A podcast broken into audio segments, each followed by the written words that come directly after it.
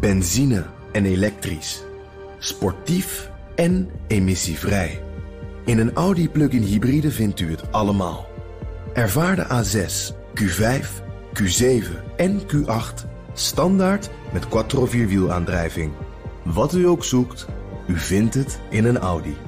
Audi. Voorsprong door techniek. De column van Bernard Hammelburg.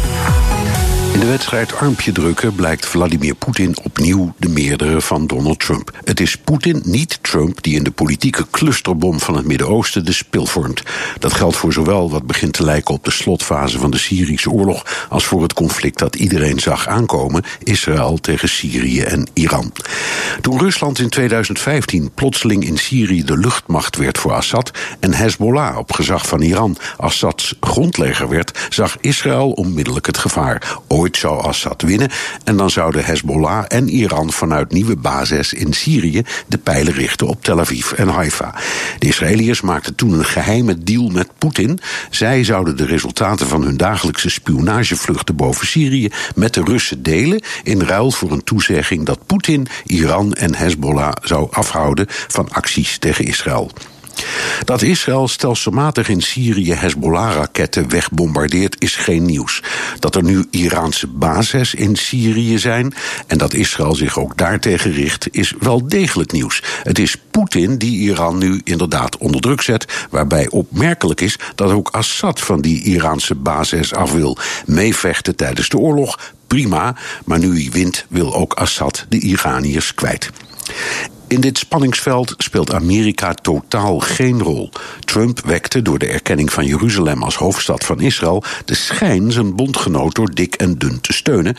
Maar nu het er echt op aankomt, houdt Washington het op stilzwijgen en een paar obligate dooddoeners.